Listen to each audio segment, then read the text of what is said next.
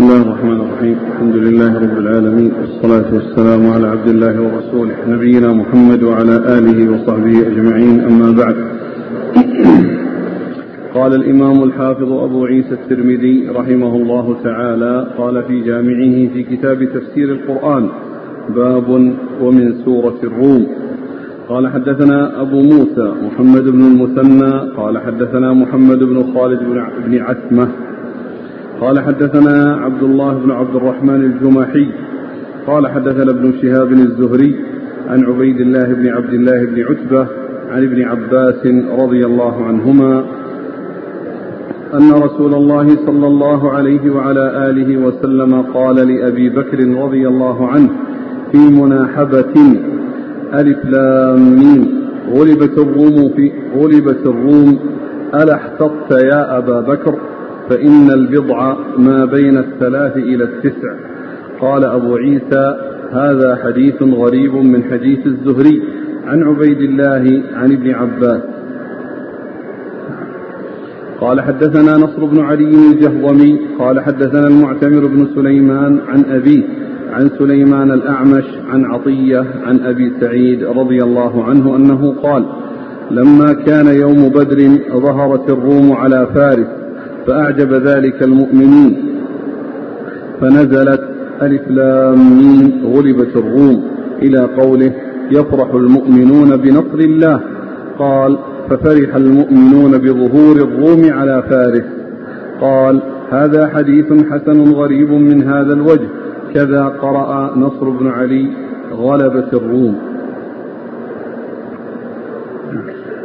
قال حدثنا الحسين بن حريث قال حدثنا معاوية بن عمرو عن أبي إسحاق الفزاري عن سفيان الثوري عن حبيب بن أبي عمرة عن سعيد بن جبير عن ابن عباس رضي الله عنهما في قول الله تعالى ألف لام غلبت الروم في أدنى الأرض قال غلبت وغلبت كان المشركون يحبون أن يظهر أهل فارس على الروم. لأنهم وإياهم أهل أوثان وكان المسلمون يحبون أن يظهر الروم على فارس لأنهم أهل كتاب. فذكروه لأبي بكر فذكره أبو بكر لرسول الله صلى الله عليه وسلم قال أما إنهم سيغلبون؟ فذكره أبو بكر لهم فقالوا اجعل بيننا وبينك أجلا فإن ظهرنا كان لنا كذا وكذا وإن ظهرتم كان لكم كذا وكذا. فجعل أجل خمس سنين فلم يظهروا. فذكر ذلك للنبي صلى الله عليه وآله وسلم. قال ألا جعلته إلى دون؟ قال أراه العشر. قال أبو سعيد والبضع ما دون العشر. قال ثم ظهرت الروم بعد. قال فذلك قوله تعالى ألف لام غلبت الروم إلى قوله يفرح المؤمنون بنصر الله ينصر من يشاء. قال سفيان سمعت أنهم ظهروا عليهم يوم بدر. قال أبو عيسى هذا حديث حسن صحيح غريب. إنما نعرفه من حديث سفيان الثوري عن حبيب بن أبي عمرو. قال حدثنا محمد بن إسماعيل قال حدثنا إسماعيل بن أبي أويس قال حدثني ابن أبي الزناد عن أبي الزناد عن عروة بن الزبير عن نيار بن مكرم الأسلمي قال لما نزلت ألف لام غلبت الروم في أدنى الأرض وهم من بعد غلبهم سيغلبون في بضع سنين. فكانت فارس يوم نزلت هذه الآية قاهرين للروم وكان المسلمون يحبون ظهور الروم عليهم لأنهم وإياهم أهل كتاب. وفي ذلك قول الله تعالى يومئذ يفرح المؤمنون بنصر الله ينصر من يشاء وهو العزيز الرحيم. فكانت قريش تحب ظهور ظهور فارس لأنهم وإياهم ليسوا بأهل كتاب ولا إيمان ببعث. فلما أنزل الله تعالى هذه الآية خرج أبو بكر الصديق رضي الله عنه يصيح في نواحي مكة. ألف لام غلبت الروم في أدنى الأرض وهم من بعد غلبهم سيغلبون في بضع سنين. قال ناس من قريش لأبي بكر فذلك بيننا وبينكم. زعم صاحبكم أن الروم ستغلب فارسا في بضع سنين. أفلا نراهنك على هذا على ذلك؟ قال بلى. وذلك قبل تحريم الرهان. فارتهن أبو بكر والمشركون وتواضعوا الرهان. وقالوا لأبي بكر كم تجعل البضع ثلاث سنين إلى إلى تسع سنين؟ فسم بيننا وبينك وسطا تنتهي إليه. قال فسموا بينهم ست سنين. قال فمضت الست سنين قبل أن يظهروا فأخذ المشركون رهن أبي بكر. فلما دخلت السنة السابعة ظهرت الروم ظهرت الروم على فارس فعاب المسلمون على أبي بكر تسمية ست سنين لأن الله تعالى قال في بضع سنين قال وأسلم عند ذلك ناس كثير. قال هذا حديث صحيح حسن غريب. من حديث نيار بن مكرم لا نعرفه إلا من حديث عبد الرحمن بن أبي الزناد. بسم الله الرحمن الرحيم. الحمد لله رب العالمين وصلى الله وسلم وبارك على عبده ورسوله نبينا محمد وعلى آله وأصحابه أجمعين. أما بعد فهذه الأحاديث التي أوردها الترمذي رحمه الله في أول تفسير سورة الروم آه، تتعلق بما آه، حصل بين الفرس والروم. وأن الفرس كانوا قاهرين وغالبين ومتفوقين على الروم وكان الكفار يفرحون بذلك كفار قريش لأنه لأن هناك شيء يجمع يجمعهم وإياهم وهو كونهم وثني كونهم وثنيين ولا يؤمنون بالبعث وكان المسلمون يحبون أن ينتصر الروم على الفرس وأن يغلبوهم لأنهم أهل كتاب وأهل دين ينتمون إلى رسول إلى رسل إلى إلى بعض رسل الله. اليهود ينتمون ينتسبون إلى موسى والنصارى ينتسبون إلى عيسى. وإن كان قد حصل منهم التغيير والتبديل الذي جعلهم ليسوا على ما كان عليه موسى وعيسى عليهم الصلاة والسلام ولكن آه، كونهم ينتمون إلى دين وينتسبون إلى رسل رسل الله عز وجل آه، المسلمون يفرح أحبوا أن ينتصر الروم على الفرس وأن يغلبوهم لأنهم أهل كتاب وينتمون إلى كتاب وينتمون إلى رسل من رسل الله فأولئك عندهم التوراة وهؤلاء عندهم الإنجيل. وإن كان قد حصل التحريف والتبديل إلا أنه فرق بين من ينتسب إلى دين وإلى رسول. وإن كان حصل التحريف والتبديل فهو آه، آه، يعني أسوأ منه وأسوأ منهم من لا ينتمي إلى دين وإنما آه، هو من عبدة الأوثان وعبدة النيران وعبدة الشمس فهؤلاء أسوأ حالا وهؤلاء أخف منهم لأن من يكون ينتمي إلى رسول وإلى كتاب وإلى دين أهون من من يعبد الأوثان. وإن كان اليهود والنصارى آه يعبدون غير الله وأنهم مشركون وكفار ولكن انتسابهم إلى الدين وإن كان حصل منهم التحريف والتبديل يجعلهم أخف من غيرهم. ولهذا ميزوا لبعض الأحكام الشرعية عن غيرهم من الكفرة. الكل كفرة اليهود والنصارى وغيرهم كلهم كفار. ولكن لما كان هؤلاء ينتمون إلى كتاب وإلى دين وإلى, وإلى رسل أحل للمسلمين آه، آه، آه، الكتابية أحل لهم أحل لهم الكتابيات وأحلت لهم ذبائح أهل الكتاب.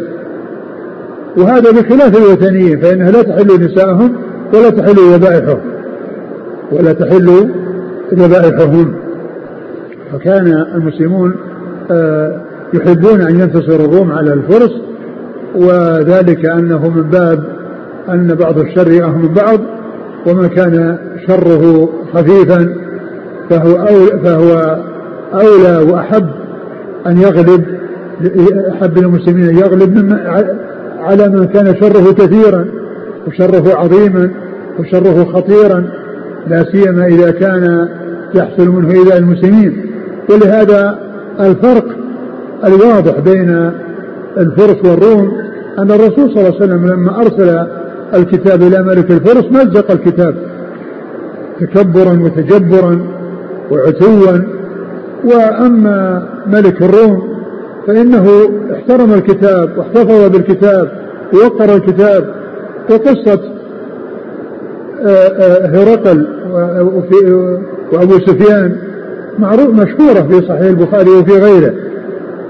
فهناك فرق بين يعني هؤلاء وهؤلاء. كفر المجوس يعني كفر شديد وكفر عظيم. والكفر كما هو معلوم الكفار متفاوتون في الكفر. كما أن المؤمنين متفاوتون في الإيمان. فالكفار بعضهم أشد وأعتى من بعض. والمؤمنون بعضهم أكمل إيمانا من بعض. فالمؤمنون متفاوتون في الإيمان والكفار متفاوتون في الكفر. ولهذا الكفار في النار دركات. بعضهم أسفل من بعض. والمؤمنون في الجنة درجات بعضهم أعلى من بعض. بعضهم أعلى من بعض. فلما نزلت الآيات مكة ألف لام غلبت الروم في أدنى وهم بعد غلبهم سيغلبون. وهذا على قراءة جمهور القراء.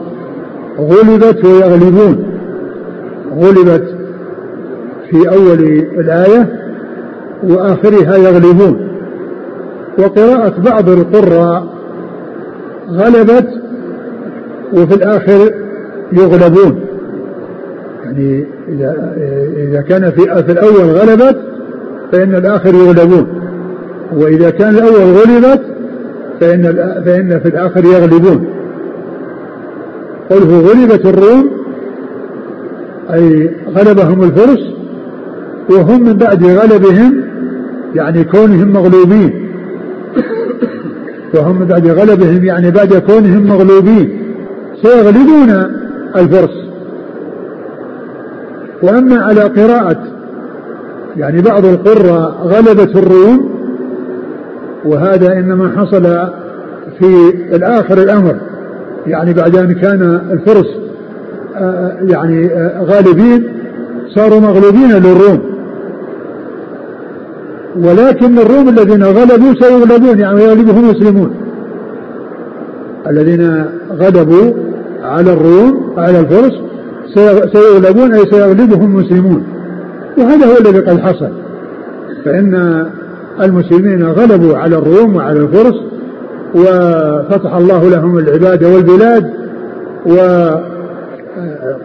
وجاهد المسلمون في سبيل الله لإخراج الناس من الظلمات إلى النور ودخلت وقضي على الدولتين العظميين في ذلك الزمان دولة الفرس ودولة الروم. ودخلتا دخلتا تحت حكم المسلمين. ودخلتا تحت حكم المسلمين وأنفقت كنوز كسرى كسرى وقيصر في سبيل الله. وأحضرت إلى المدينة. وتولى الفاروق عمر الخطاب رضي الله عنه قسمتها بنفسه. وتحقق ما أخبر به الصادق المصدوق صلى الله عليه وسلم من قوله ولا تنفقن كنوزهما في سبيل الله. ولا تنفقن كنوزهما في سبيل الله. قد تحقق ذلك على يد الجيوش المظفرة التي أرسلها أرسلها الخليفة الخليفتان الراشدان عمر وعثمان آه، آه، أبو بكر وعمر رضي الله تعالى عنهما. وتحقق الفتح والنصر وأخذ آه، الكنوز التي لكسرى ولقيصر كان في زمن عمر وأحضرت إلى عمر رضي الله عنه في هذه المدينة المباركة وتولى قسمتها بنفسه وتولى قسمتها بنفسه. إذا على قراءة الجمهور غلبت الروم يعني غلبهم الفرس. وهم من بعد كونهم مغلوبين سيغلبون الفرس. وعندما يغلب الروم الفرس سيفرح المؤمنون. يفرح المؤمنون لأنهم آه، أقرب أقرب يعني آه، من من الفرس وأخف شرا وأقل ضررا. وإن كان كل كفار ومن أهل النار يعني من مات منهم على على كفره سواء كان يهوديا أو نصرانيا أو مجوسيا أو وثنيا أو أي آه، صنف من أصناف الكفار. كل من مات على الكفر فإن مصيره إلى النار. ولهذا قال عليه الصلاة والسلام والذي نفسي بيده لا يسمع بي أحد من هذه الأمة يهودي ولا نصراني ثم لا يؤمن بالذي جئت به إلا كان من أهل النار. والذي نفسي بيده لا يسمع بي أحد من هذه الأمة. يعني أمة الدعوة. لأن كل إنس وجن من حين بعثته صلى الله عليه وسلم إلى قيام الساعة هم من أمة محمد صلى الله عليه وسلم أمة الدعوة. وكلهم مدعوون إلى الدخول في هذا الدين. ومن لم يدخل في هذا الدين فإنه ليس أمامه إلا النار. والذي نفسي بيده الحديث في صحيح مسلم والذي نفسي بيده لا يسمع بأحد من هذه الأمة يهودي ولا نصراني. ثم لا يؤمن بالذي جئت به إلا كان من أهل النار. إلا كان من أهل النار. الكل كفار اليهود والنصارى وغيرهم. ولكن الكفر متفاوت. وقد ويتضح هذا التفاوت بالقسوة والتجبر والتكبر الذي عند الفرس كما حصل من ملكهم حيث مزق كتاب رسول الله صلى الله عليه وسلم. وقد أخبر صلى الله عليه وسلم بأنه سيمزق ملكه. ثم الروم وملك الروم الذي حصل منه الاحترام والتوقير لكتاب رسول الله صلى الله عليه وسلم والاحتفاظ به. كما جاء ذلك موضحا في قصة التقاء آه، أبو سفيان في حال كفره مع ملك الروم قيصر وما ظهر في تلك المحاورة والكلام الذي هو في صحيح البخاري وفي غيره من آه، آه، توقير هرقل للرسول صلى الله عليه وسلم ولكتابه الذي احتفظ به ولم يعامله المعاملة التي حصلت من كسرى ملك الفرس لهذا الكتاب لكتاب الرسول صلى الله عليه وسلم حيث مزقه. و وقد جاء في يعني في هذا ان أنها لما غلب لما غلبت الفرس الروم وكان الناس مكة ونزلت الآيات غلبت الروم وأنهم يعني سيغلبون. عند ذلك آه، جاء كفار قريش إلى أبو بكر رضي الله عنه وقالوا أن نبيكم يزعم بأن أن الروم يعني سيغلبون ونريد أن نراهنك على على هذا. فراهنهم وكان هذا قبل أن يحرم القمار والرهان الميسر ف وكان القرآن جاء في بضع سنين وأن الغلبة في بضع سنين. والبضع من الثلاثة إلى إلى العشرة أو إلى التسعة. فأرادوا أن يحددوا مقدارا من السنين إذا حصل الانتصار فيه فإن ال ال فإن الكفار يكونون مغلوبين في الرهان وإن كان تأخر ولم يحصل في هذه المدة التي تواطؤوا عليها وذكروها وهي ست سنين فإن فإنهم يأخذون الرهان من أبي بكر. واتفقوا ووضعوا لهم حدا وهو ست سنين. ولما مضت الست سنين بعد نزول الآية ولم يحصل جاءوا واخذوا الرهان من أبي بكر رضي الله عنه. ثم بعد ذلك حصل ال ال الانتصار بعد ذلك. فليم أبو بكر رضي الله عنه على تحديده هذا المقدار مع أن البضع يصل إلى العشرة وإلى التسعة. فكان الذي اموه ويعني أرادوه أن الذي يكون الذي حصل من الذكر هو تنبيه المده تنبيه المده لأن النص يقتضيها يقتضي إلى إلى التسع وإلى العشر. ثم والترمذي رحمه الله أورد عدة أحاديث عن الرسول صلى الله عليه وسلم في هذا. آه، إيش أول حديث؟ أن النبي صلى الله عليه وسلم قال لأبي بكر في مناحبة. الذي يبدو أن المناحبة بدون تنوين لأنها مراهنة حول ألف لام ميم طلبت الروم. والقول الذي قاله الرسول صلى الله عليه وسلم ألا يعني ألا يعني يخاطب ذكر ألا جعلت كذا وكذا.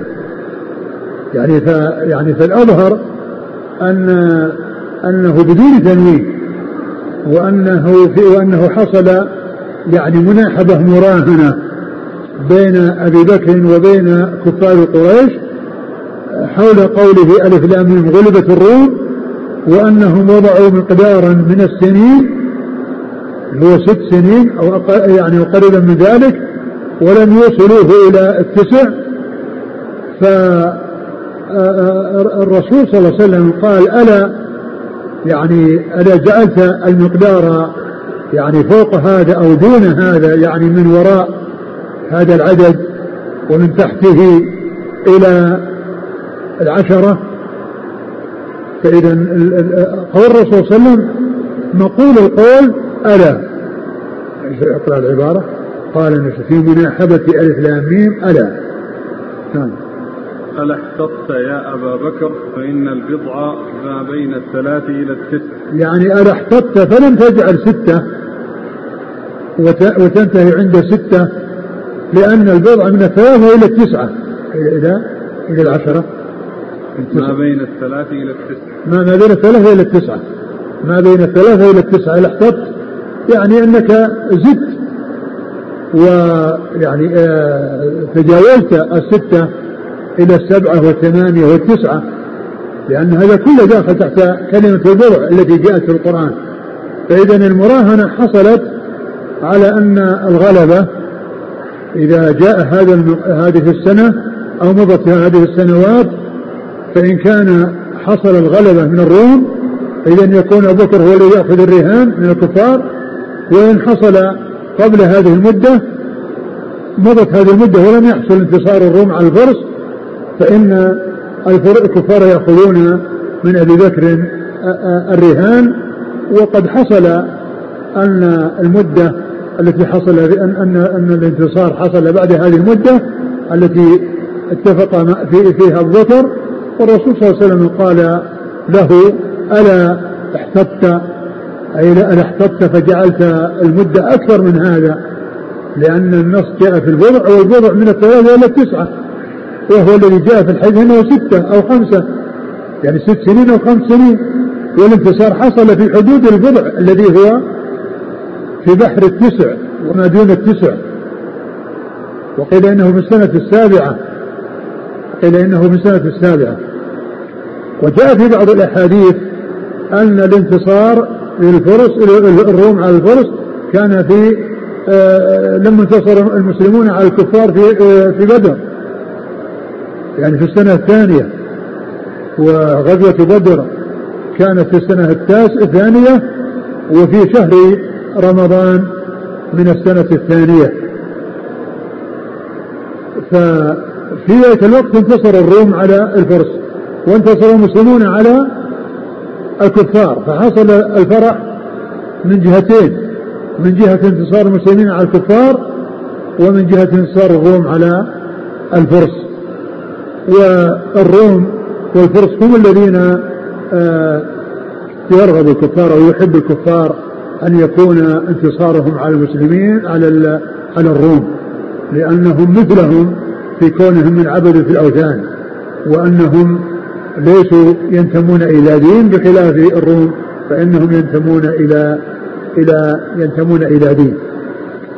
وفي بعض الروايات أنها يعني مما يدل على أن هذا حصل الانتصار قبل قبل الهجرة. وفي بعضها ما يدل على أنه بعد الهجرة. ومعلوم أن الرهان وما جرى وإنما يكون لما كان الناس في مكة. أما بعد أن هاجروا إلى المدينة وانتقلوا إلى المدينة انقطعت الصلة بين المسلمين والكفار. نعم اقرأ أقرأ المتن قال النبي صلى الله عليه وسلم في مناحبة ألف لام ميم. ألا احتطت يا أبا بكر فإن البضع ما بين الثلاثين. ألا احتطت هذا قول هذا مقول القول. قال الرسول صلى الله عليه وسلم لأبي بكر في المراهنة التي جرت بينه وبين المشركين حول ألف لام ميم غلبت الروم حيث جعلها ستا. قال ألا احتطت؟ فجعلت الحد يعني آه، دون ذلك يعني إلى التسع لأن البضع الذي جاء لأن الذي جاء في القرآن هو البضع والبضع بين الثلاثة إلى التسعة. نعم. بعد. الحديث الثاني. عن أبي سعيد قال لما كان يوم بدر ظهرت الروم على فارس فأعجب ذلك المؤمنين فنزلت ألف لام غلبت الروم إلى قوله يفرح المؤمنون بنصر الله. قال ففرح المؤمنون بظهور الروم على فارس. يعني هنا يعني الذي حصل النزول بمكة معلوم أن الآيات أن, سورة الروم مكية. والذي حصل هذه مكة والمراهنة في مكة ما كانت في المدينة. ولكن الانتصار الذي حصل للروم على الفرس جاء في هذه الرواية وفي بعض الروايات أنه كان في المدينة لما كان المسلمون في المدينة. وكان ذلك في السنة الثانية يعني التي حصل فيها حصل فيها وقعة بدر وغزوة بدر. فانتصر المسلمون على الكفار وانتصر الروم على الفرس. فحصل الفرح من جهتين. من جهة انتصار المسلمين على الكفر كفار كفار قريش وبانتصار الروم على الفرس. نعم. قال إيش؟ لما كانت وقعة بدر. نزول الآية معلوم أنه كان قبل ذلك. معلوم أنه كان قبل ذلك لكن الذي يستقيم يعني لو كانت نزلت في المدينة أو نزلت مرتين على القراءة الثانية التي غلبت ويغلبون. لأن الروم غلبت. يعني في السنة الثانية يعني على هذا الحديث غلبت الفرس. وهم من بعد غلبهم يعني كونهم غالبين. وهم من بعد غلبهم يعني كونهم غالبين. يعني على قراءة غلبت كونهم مغلوبين. وعلى قراءة غلبت كونهم غالبين. سيغلبون ليس سيغلبون؟ يغلبون مع غلبت. غلبت الروم وهم سيغلبون الفرس الذين غلبوهم. لكن على قراءة غلبت الروم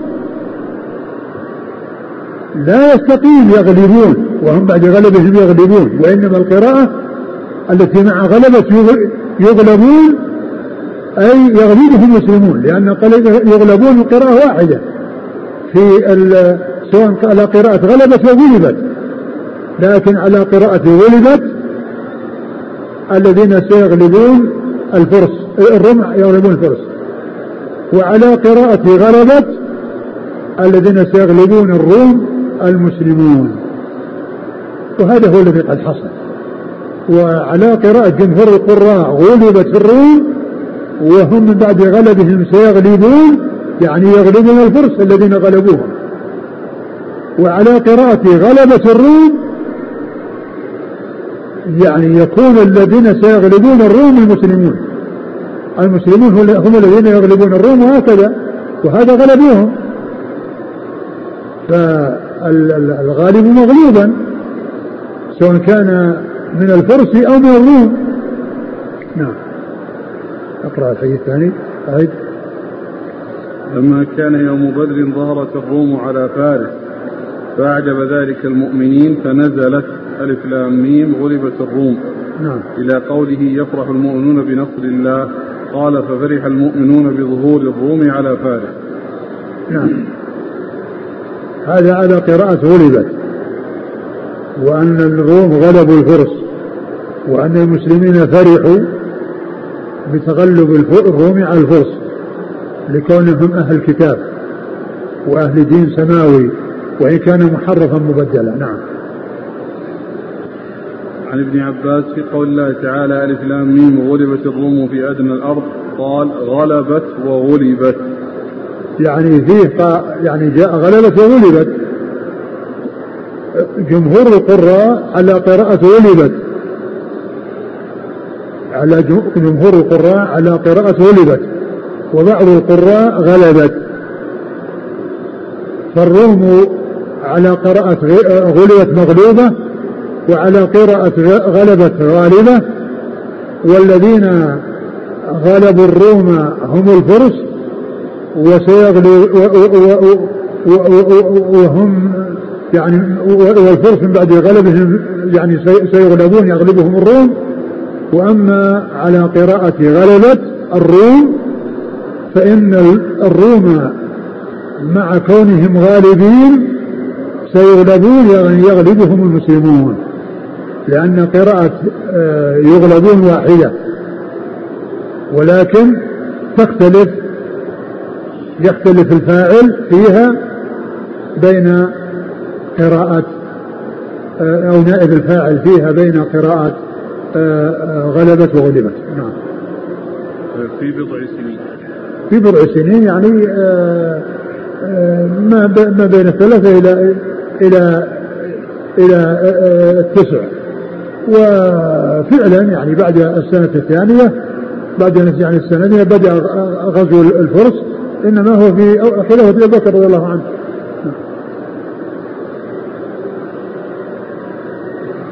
قال كان المشركون يحبون أن يظهر أهل فارس على الروم لأنهم وإياهم أهل أوثان. وكان المسلمون يحبون أن يظهر الروم على فارس لأنهم أهل كتاب فذكروه لأبي بكر. فذكره أبو بكر لرسول الله صلى الله عليه وسلم. قال أما إنهم سيغلبون. فذكره أبو بكر لهم. فقال فقالوا اجعل بيننا وبينك أجلا فإن ظهرنا كان لنا وكذا كان لنا كذا وكذا. يعني ظهرنا يعني ظهر الذين نريد أن يظهروا. لأن ليست القضية يعني بين المسلمين والكفار. يعني كونهم يعني المسلمين يغلبون والكفار يغلبون. وإنما القضية بين الروم والفرس. لأن أولئك يعني يريدون أن يغلب يحبون يغلبوا الفرس والمسلمون يحبون أن يغلبوا الروم والقرآن نزل بأن الروم غلبت وأنها ستغلب. وصارت المراهنة في الوقت الذي يغلب فيه الروم الفرس. إن حصل في وقت كذا فالرهن لنا. يعني إن حصل فالرهن لكم لأنه حصل ما قلتم.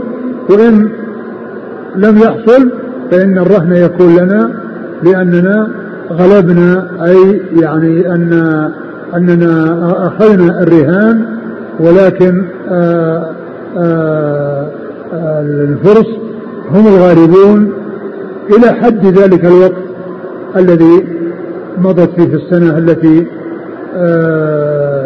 جعلها أبو بكر والكفار أمدا ينتهي إليه الرهان نعم. هل علم الرهن؟ لا لا لا نعلم لا نعلم شو الرهن لا نعلم الرهان وش الشارع ها؟ الشارع ذكر شيء. وش كان؟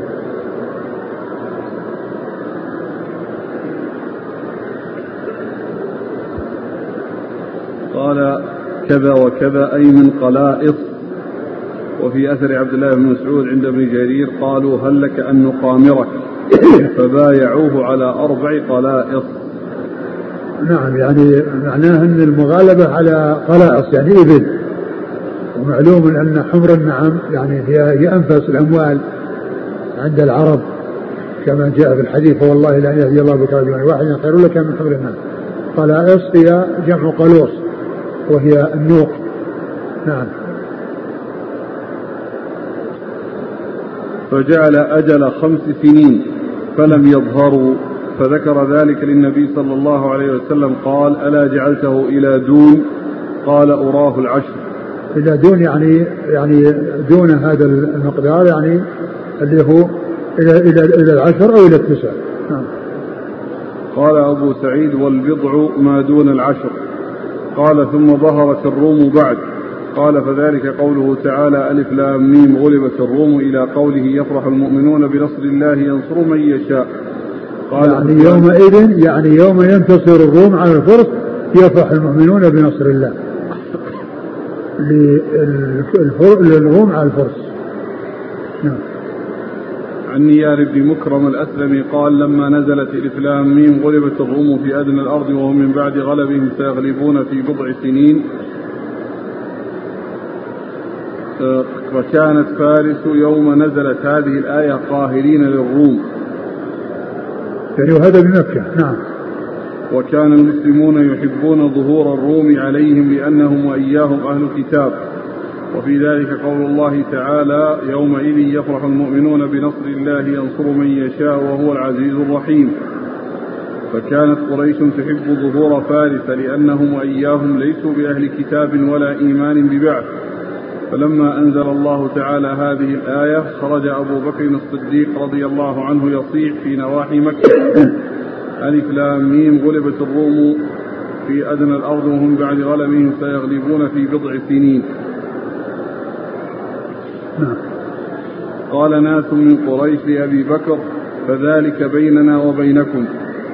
زعم صاحبكم أن الروم ستغلب فارسا في بضع سنين. أفلا نراهنك على ذلك؟ قال بلى وذلك قبل تحريم الرهان فارتهن أبو بكر والمشركون وتواضعوا الرهان وقالوا لأبي بكر كم تجعل البضع ثلاث سنين إلى تسع سنين؟ فسم بيننا وبينك وسطا تنتهي إليه قال فسموا بينهم ست سنين. قال فمضت الست سنين قبل أن يظهروا فأخذ المشركون رهن أبي بكر. فلما دخلت السنة السابعة ظهرت الروم على فارس. فعاب المسلمون على أبي بكر تسمية ست سنين لأن الله تعالى قال في بضع سنين قال وأسلم عند ذلك ناس كثير. يعني أسلم عند ذلك ناس كثير يعني من الكفار لكون النبي صلى الله عليه وسلم أخبر عن شيء وقع كما أخبر به عليه الصلاة والسلام فكان ذلك سببا في إسلام بعضهم. نعم. انتهى الحديث.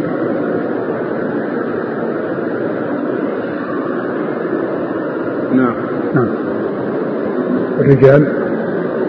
قال حدثنا أبو موسى محمد بن المثنى. أبو موسى محمد بن مثنى هو العنزي الملقب الزمن هو ثقة وهو شيخ لأصحاب الكتب الستة ومشهور بكنية أبو موسى. ولهذا الحافظ بن حجر في تهذيب التهذيب عندما يذكر التلاميذ والشيوخ يعني يذكر يذكر محمد المثنى بكنيته يقول روى عن فلان روى عنه فلان وفلان وأبو موسى. أو إذا كان من الشيوخ قال روى عن فلان وفلان وعن وأبي موسى. فأبو موسى هو محمد بن مثنى يعني عندما يذكر أو عندما يذكر الحافظ بن حجر في تهذيب التهذيب في الشيوخ التلاميذ رجلا بكنيته أبو موسى فقط دون أن يضيف إليها شيئا فإنه يريد بذلك محمد المثنى لأنه مشهور بكنيته. وهنا في هذا الإسناد جمع له بين الاسم والكنية قال أبو موسى محمد المثنى نعم. عن محمد بن خالد بن عتمة. وهو صدوق يخطئ وله أصحاب السنن. نعم. عن عبد الله بن عبد الرحمن الجمحي وهو مجهول وله الترمذي. نعم. عن ابن شهاب الزهري. آه، محمد بن مسلم بن عبيد الله ثقة أخرج أصحابه في الستة. عن عبيد الله بن عبد الله بن عتبة. وهو ثقة فقيه أحد فقهاء المدينة السبعة في عصر التابعين أخرج أصحابه في الستة. عن ابن عباس. عبد الله بن عباس رضي الله عنهما أحد العبادلة الأربعة من الصحابة وأحد السبع المكثرين. من حديث رسول الله صلى الله عليه وسلم. والحديث والحديث في إسناده هذا الرجل مجهول ولكن الذي بعده هو في معناه. نعم. قال حدثنا نصر بن علي الجهضمي. نصر بن علي الجهضمي ثقة أخرج أصحابه في الستة.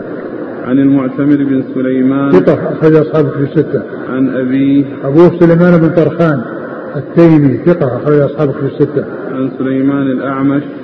هو ثقة أخرج أصحابه في الستة. عن عطية. عطية هو العوفي وهو يعني آه فيه ضعف ومدلس. نعم. صدوق يخطئ كثيرا نعم. البخاري المفرد وأبو داود والترمذي وابن ماجه. نعم. لكنه لم ينفرد يعني الحديث الذي بعده يعني تشهد له. نعم. عن أبي سعيد. هو سعد بن مالك بن سنان الخدري أحد السبعة المكثرين من حديث رسول الله صلى الله عليه وسلم. قال حدثنا الحسين بن حريث. الحسين بن حريث هو ثقة أخرج أصحاب الكتب الستة إلا إلا ابن ماجه. هو أبو عمار. نعم. عن معاوية بن عمرو. هو؟ ثقة أخرج أصحاب الكتب. نعم. عن أبي إسحاق الفزاري. وهو؟ ثقة أخرج أصحاب الكتب. نعم. عن سفيان الثوري. ثقة أخرج أصحاب الستة. عن حبيب بن أبي عمرة. هو؟ ثقة أخرج له البخاري ومسلم وداود في الناسخ والمنسوخ الترمذي والنسائي بن ماجه. نعم. عن سعيد بن جبير. سعيد بن جبير. نعم. نعم. ثقة أخرج أصحاب في الستة. عن ابن عباس. نعم. قال حدثنا محمد بن إسماعيل. هذا يحتمل أن يكون البخاري وأن يكون الترمذي. نعم. عن إسماعيل بن أبي أويس. وهو؟ صدوق أخطأ في أحاديث من حفظه وجرى أصحاب الكتب إلا نعم. النسائي. نعم. عن ابن أبي الزناد. هو عبد الرحمن بن أبي الزناد وهو صدوق. أخرجه البخاري تعليقا ومسلم في المقدمة هو أصحاب السنة.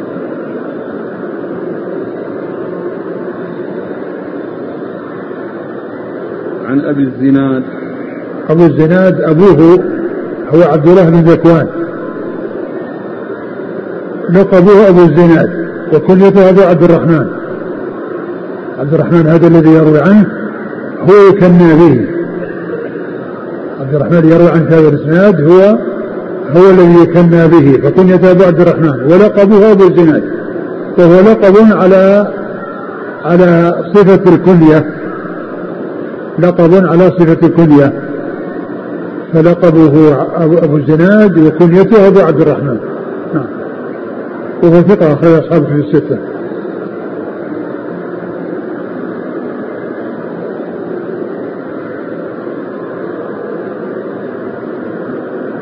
عن عروة بن الزبير. ثقة فقيه أخرج أصحابه في الستة. عن نيار بن مكرم الأسلمي. صحابي أخرج له الترمذي نعم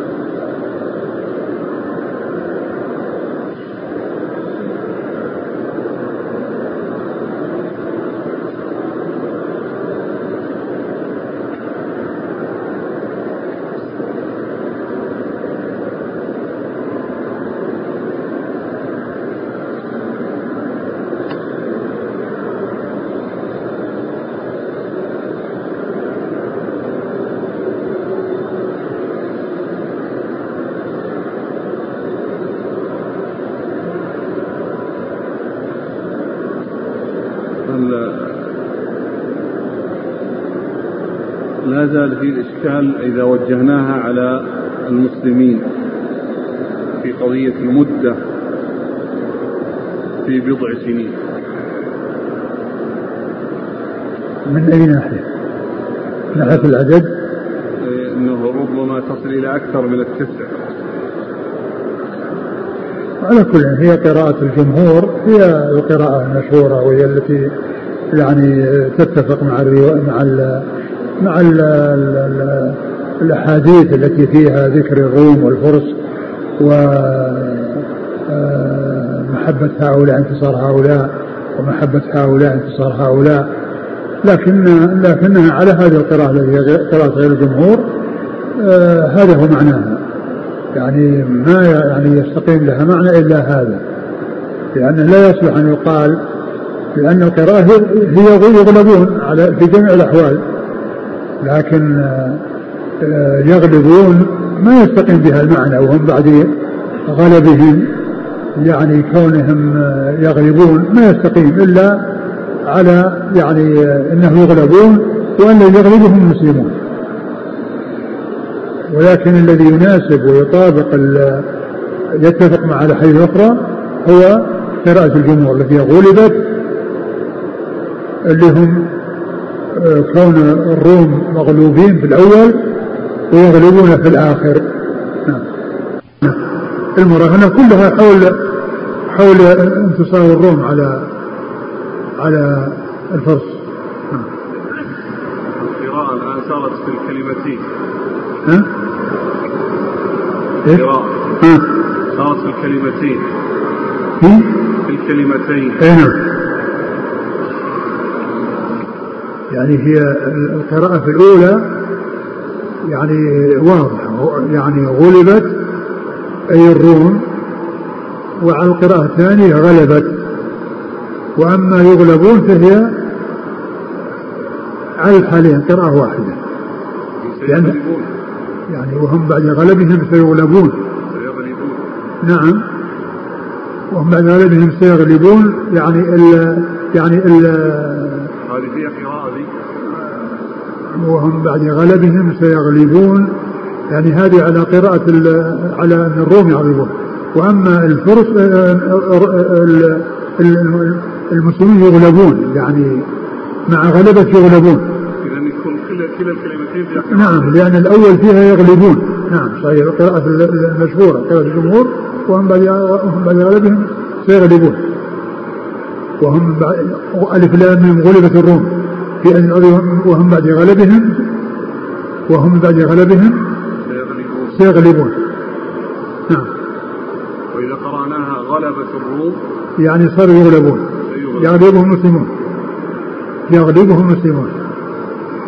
وهم من بعد غلبهم يعني سيغلبهم المسلمون. وأولئك من بعد كونهم مغلوبين سيغلبون.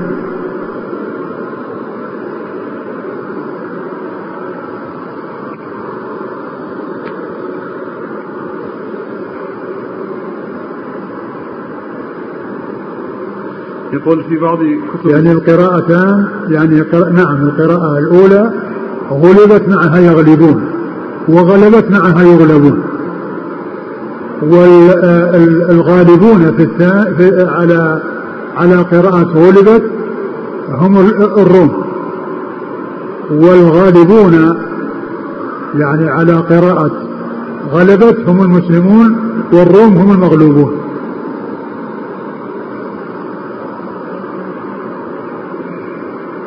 يعني الروم غلبوا الفرس والمسلمون يغلبونهم. أو أن الروم الفرس غلبوا الروم والروم سيغلبون الفرس.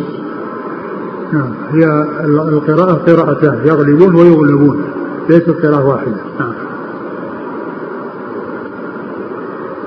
يقول جاء في بعض كتب السير أن أبا بكر ذهب إلى الكفار قبل نهاية المدة. وقال لهم نزيد في الرهن مع زيادة في الأجل. ففعلوا فكسب الرهان وأتى به إلى النبي صلى الله عليه وسلم. ما أدري أين هذا؟ صحته؟ أين هذا؟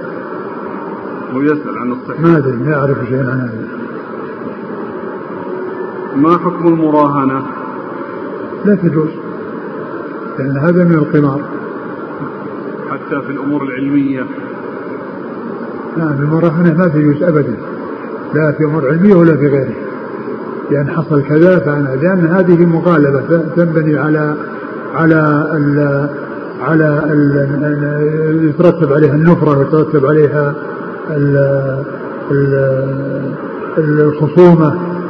لأن لأنها لأنه ربح بدون مقابل. نعم فيكون فيه ظالم ومظلوم. وإن كان الكل ظالم لنفسه. نعم. كانت من جهة واحدة. يعني شخص تراهن. لا هذاك جعل يعني من فعل كذا له كذا هذا من المراهنة لا لا. هو يقول إذا مثلا ما حصل أو ما صح الحديث هذا أو لم يوجد في البخاري أعشيكم الليل. والله هذا يعني هو من جنس ذاك. أقول هو من جنس ذاك لأنه يعني هل عشاء هذا ما هو رايح في نفسه كثرة الأسئلة في هذا المعنى وهو هل نستطيع أن نفرح بانتصار الرافضة على اليهود لأن الرافضة أقرب من اليهود للإسلام؟ والله كلهم شر. نعم. كلهم شر. الرافضة يعني كما هو معلوم يعني خيار الخلق اللي هم أبو بكر وعمر وعثمان وسائر الصحابة معروف كلامهم فيهم. أقول معروف كلامهم فيهم. يعني فالكل يعني في غاية السوء. هؤلاء ينتمون للاسلام وهم في غاية السوء وأولئك يعني معادون للإسلام وهم في غاية السوء. وهؤلاء معادون للذين جاءوا بالإسلام. لأن لأن الذين جاءوا بالإسلام وعرف عن طريقهم الإسلام هم الصحابة. ولهذا يقول أبو زرع الرازي إذا رأيتم من ينتقد أحد من أصحاب الرسول صلى الله عليه وسلم فاعلموا أنه زنديق وذلك أن الرسول حق والكتاب حق. وإنما أدى إلينا الكتاب والسنة أصحاب الرسول صلى الله عليه وسلم. وهؤلاء يريدون أن يجرحوا شهودنا ليبطلوا الكتاب والسنة والجرح بهم أولى وهم زنازقة. والجرح بهم أولى وهم زنادقة لأنه قدح في الناقل قدح في المنقول فإذا كان الصحابة غير عدول كفار أو فساق وأنه لم يسلم من هذا الوصف إلا نفر يسير فمعنى ذلك أن الشريعة يعني مردودة ولهذا معروف أن كتبهم كلها مبنية على إلى يعني منسوبة إلى أناس معينين وإلى آه، عدد محصور يعني وهم الأئمة الاثنى عشر وأكثر ما فيها هو كذب عليهم. والذي يطلع على كتاب الكافي ويجد النصوص فيه تنتهي إلى جعفر الصادق وإلى غيره يعني يبرئ هؤلاء وينزه هؤلاء من أن يقولوا مثل هذا الكلام.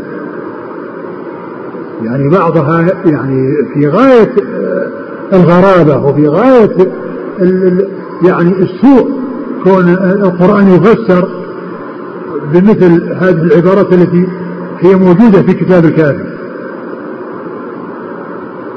يعني في كتاب الكافي الله نور السماوات مثلا نور كمشكات المشكات فاطمة. المشكات فاطمة.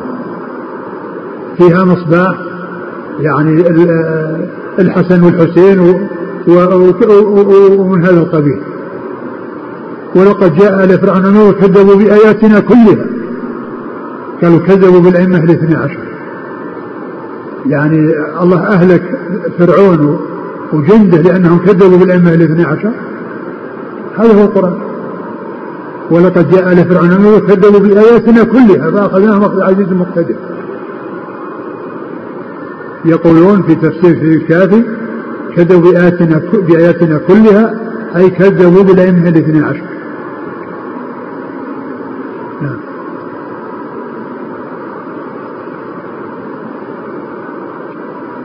قال رحمه الله تعالى باب ومن سورة لقمان.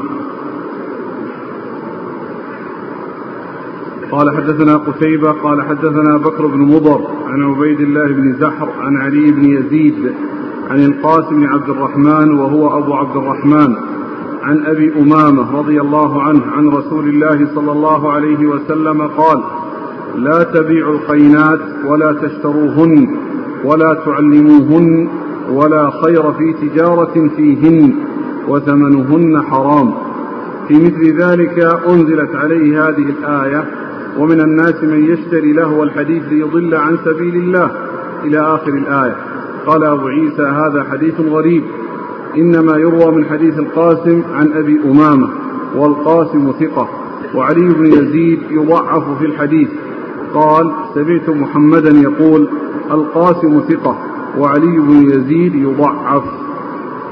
ثم ذكر الترمذي رحمه الله يعني هذه هذا الحديث المتعلق بتفسير سورة لقمان وهو في قول عز من الناس من يشتري له الحديث ومن الناس من يشتري له الحديث ليضل عن سبيل الله.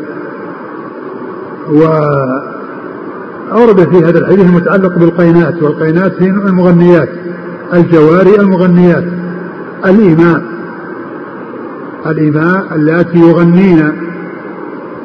و وقد جاء يعني هذا الحديث في أن أن هدفه الحديث.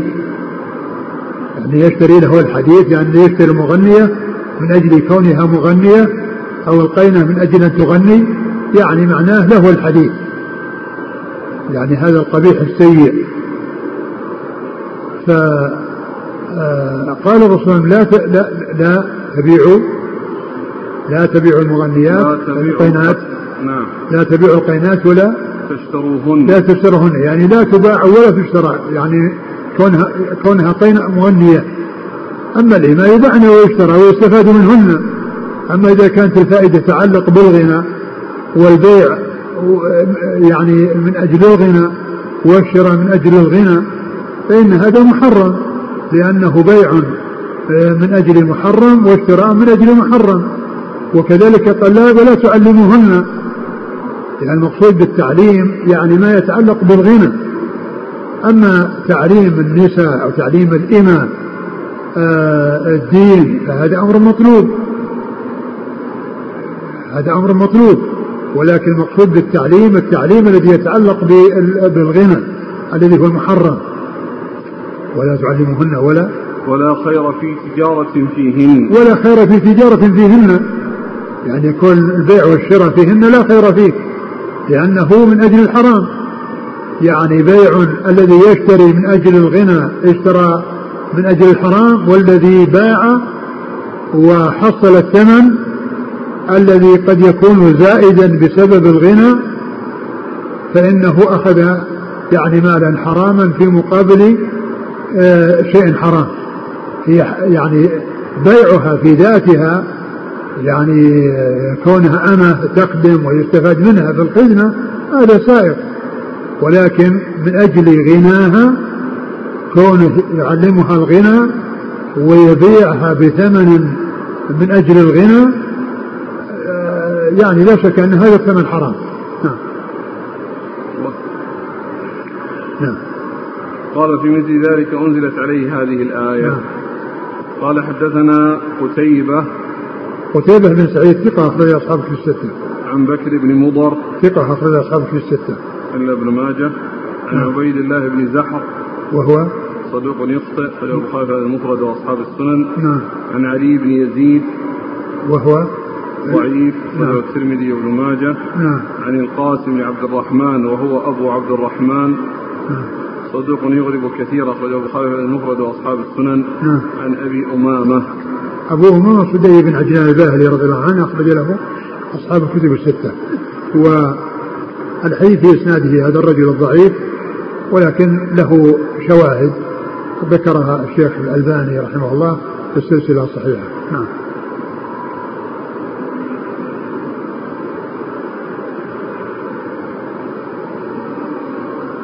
هذا ذكر المرجع حببتم الرقم. رقم صحيحة؟ إيه. 2922 نعم.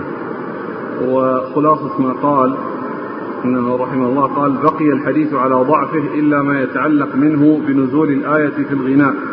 للشواهد الصحيحة المذكورة عن ابن مسعود وغيره فإنها في حكم المرفوع عند الحاكم وغيره. لا سيما وقد حلف ابن مسعود ثلاث مرات على نزولها في الغناء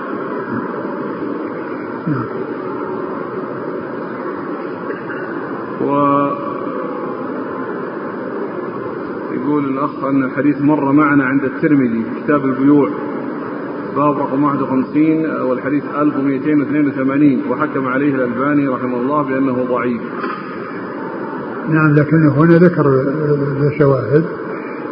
أقول ذكر له شواهد في السلسلة الصحيحة.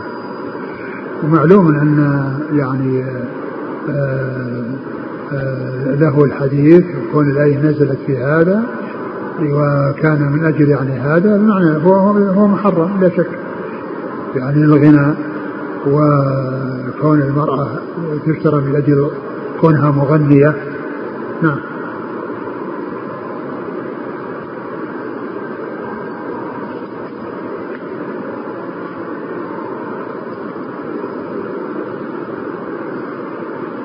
قال رحمه الله تعالى باب ومن سورة السجدة. قال حدثنا عبد الله بن أبي زياد قال حدثنا عبد العزيز بن عبد الله الأويسي عن سليمان بن بلال عن يحيى بن سعيد عن أنس بن مالك رضي الله عنه أن هذه الآية تتجافى جنوبهم عن المضاجع نزلت في انتظار هذه الصلاة التي تدعى العتمة. قال أبو عيسى هذا حديث حسن صحيح غريب لا نعرفه إلا من هذا الوجه. نعم. قال حدثنا ابن أبي عمر قال حدثنا سفيان عن أبي الزناد عن الأعرج عن أبي هريرة رضي الله عنه يبلغ به النبي صلى الله عليه وسلم أنه قال قال الله تعالى أعددت لعبادي الصالحين ما لا عين رأت ولا أذن سمعت ولا خطر على قلب بشر وتصديق ذلك في كتاب الله عز وجل. فلا تعلم نفس ما أخفي لهم من قرة أعين جزاء بما كانوا يعملون. قال هذا حديث حسن صحيح. آه ذكر الترمذي رحمه الله بعد ذلك ما يتعلق بسورة ألف لام السجدة وذكر هذا الحديث المتعلق بقوله تتجافى جنوبهم عن المضاجع وأن ذلك كان في انتظار الصلاة التي يقال لها العتمة وهي صلاة العشاء.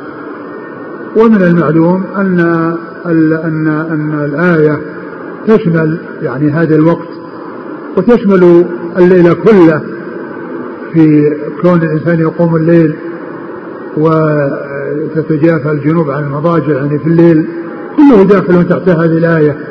لكن هذا الحديث فيه نص على دخول يعني هذا الوقت الذي هو قبل صلاة العشاء لأنه يعتبر يعني من صلاة الليل.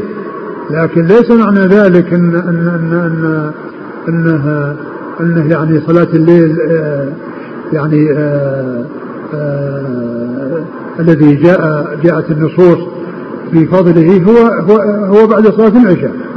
لأن صلاة الليل وقيام الليل هو بعد العشاء. والرسول صلى الله عليه وسلم من أول الليل ومن وسطه ومن آخره حتى انتهى وتره إلى السحر فكان يقوم وكان ذلك بعد العشاء لكن الحديث يدل على أن أيضا ذلك يدخل تحت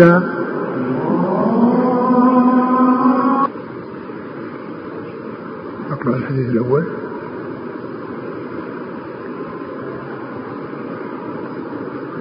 أن هذه الآية تتجافى جنوبهم عن المضاجع نزلت في انتظار هذه الصلاة التي تدعى العتمة. أول قبل هذا؟ أبدا. عن يحيى بن سعيد عن أنس أن هذه الآية تتجافى جنوبهم عن المضاجع نزلت في انتظار هذه الصلاة التي تدعى العتمة. نعم يعني هذا يدل على أن الصلاة في ذلك الوقت يدخل تحت قوله تتجافى جنوبهم و وأما صلاة الليل التي آه، الرسول قال صلاة الليل مثنى مثنى فإذا خشي أحدكم الصلاة بركعة يوتر ما مضى فهذا يكون بعد صلاة العشاء. ولكن ذلك يقال له تجافي وهذا يقال له تجافي لأنه جاء في يعني هذا الحديث أو هذا الأثر عن عن عن أنس رضي الله عنه أن أن أن أن أنهم كانوا ينتظرون يعني يصلون يعني يعني حتى لا يغلبهم النوم. ولهذا جاء في الحديث كان يكره النوم قبلها والحديث بعدها. فهم كانوا يجتهدون. وجاء السنة عن رسول الله صلى الله عليه وسلم أنه كان صلى من المغرب إلى العشاء. بعد صلاة المغرب إلى العشاء جاءت السنة بذلك عن رسول الله صلى الله عليه وسلم. فجاء من فعله صلى الله عليه وسلم. وجاء يعني عن أنس رضي الله عنه بيان أن آه أن آه ذلك داخل تحت هذه الآية. وهي قوله تتجافى جنوبا عن المضاجع أي كونهم يصلون في انتظار صلاة العشاء. نعم. قال حدثنا عبد الله بن أبي زياد هو؟ صدوق أبو داود والترمذي وابن ماجه. نعم. عن عبد العزيز بن عبد الله الأويسي. هو؟ ثقة أخرج البخاري وأبو داود والترمذي والنسائي في مسند مالك وابن ماجه. عن سليمان بن بلال ثقة أخرج أصحاب في الستة. عن يحيى بن سعيد. هو الأنصاري ثقة أخرج أصحاب في الستة. عن أنس بن مالك. أنس بن مالك رضي الله عنه آه، خادم الرسول صلى الله عليه وسلم واحد السبع المكثرين من حديثه وأنس من صغار الصحابة ويحيى بن سعيد من صغار التابعين. يحيى بن سعيد الأنصاري هذا من صغار التابعين وهو يروي عن أنس بن مالك وهو من صغار الصحابة. فصغار التابعين يروون عن صغار الصحابة. وأول حديث في صحيح البخاري هو حديث حديث عليه بن نيات كان فيه يحيى بن سعيد الأنصاري وهو من صغار التابعين وفيه محمد بن إبراهيم التيمي وهو من أوساط التابعين وفيه علقمة بن وقاص الليثي وهو من كبار التابعين ففيه الحديث أو سند ذلك الحديث يعني مثال لكبار التابعين وأوساطهم وصغارهم وهنا يحيى بن سعيد الأنصاري وهو من صغار التابعين يروي عن أنس بن مالك وهو من صغار الصحابة. الحديث الثاني. نعم. عن ابن قال حدثنا ابن أبي عمر قال حدثنا سفيان عن أبي الزناد عن الأعرج عن أبي هريرة رضي الله عنه يبلغ به النبي صلى الله عليه وسلم أنه قال قال الله تعالى أعددت لعبادي الصالحين ما لا عين رات ولا أذن سمعت. ولا خطر على قلب بشر وتصديق ذلك في كتاب الله عز وجل. فلا تعلم نفس ما أخفي لهم من قرة أعين جزاء بما كانوا يعملون. ثم ذكر هذا الحديث في آه، ما أعده الله عز وجل للمؤمنين. وحديث قدسي أعددت لعبادي الصالحين ما لا عين رأت ولا أذن سمعت ولا خطر على قلب بشر يعني أن فيها من النعيم ما لم يخطر لأحد على بال. وحتى الذي يخطر على بال من ناحية الأسماء يعني آه، آه، الرمان والعنب والنخل وغير ذلك إنما هو مجرد الاسماء كما جاء عن ابن عباس. ليس في الدنيا مما في الجنة إلا الاسماء لكن لا يعني أن أن أن هذا مثل هذا. وفيه ما لا يخطر على بال من أنواع النعيم ما ما لا يعرفون حتى أسماءها. لا يخطر لهم على بال. فيه ما يعرفون أسماءه ولا وليس فيه إلا الأسماء وليس فيه التماثل في الحقيقة وكذلك ما لا يخطر لهم على بال ولا ينقدح لهم في ذهن. نعم. قال حدثنا ابن أبي عمر. هو العدني صدوق آه، البخاري اخرجه مسلم وابو والترمذي والنسائي بن ماجه. عن سفيان. هو بن عيينة ثقة أخرج أصحاب في الستة. عن أبي الزناد عن الأعرج. الأعرج عبد الرحمن بن هرمز ثقة أخرج أصحاب في الستة. عن أبي هريرة. نعم. يبلغ به النبي صلى الله عليه وسلم. يبلغ به النبي صلى الله عليه وسلم يعني أنه مرفوع. يعني أنه مرفوع. وهذه من العبارات التي ليس فيها قال ولا سمعت ولا عن وإنما قال يبلغ به النبي. ولعل الذي قالها من الرواة آه، لم يجزم بالصيغة التي آه، قالها أبو هريرة. يعني كونه قال سمعت أو, أو عن أو قال ما ما يجزم بواحدة منها. ولكن كلمة يبلغ به النبي صلى الله عليه وسلم تؤدي هذه كلها يعني يدخل تحتها سمعت ويدخل تحتها قال ويدخل تحتها عن كلها تدخل تحت قوله يبلغ به النبي صلى الله عليه وسلم.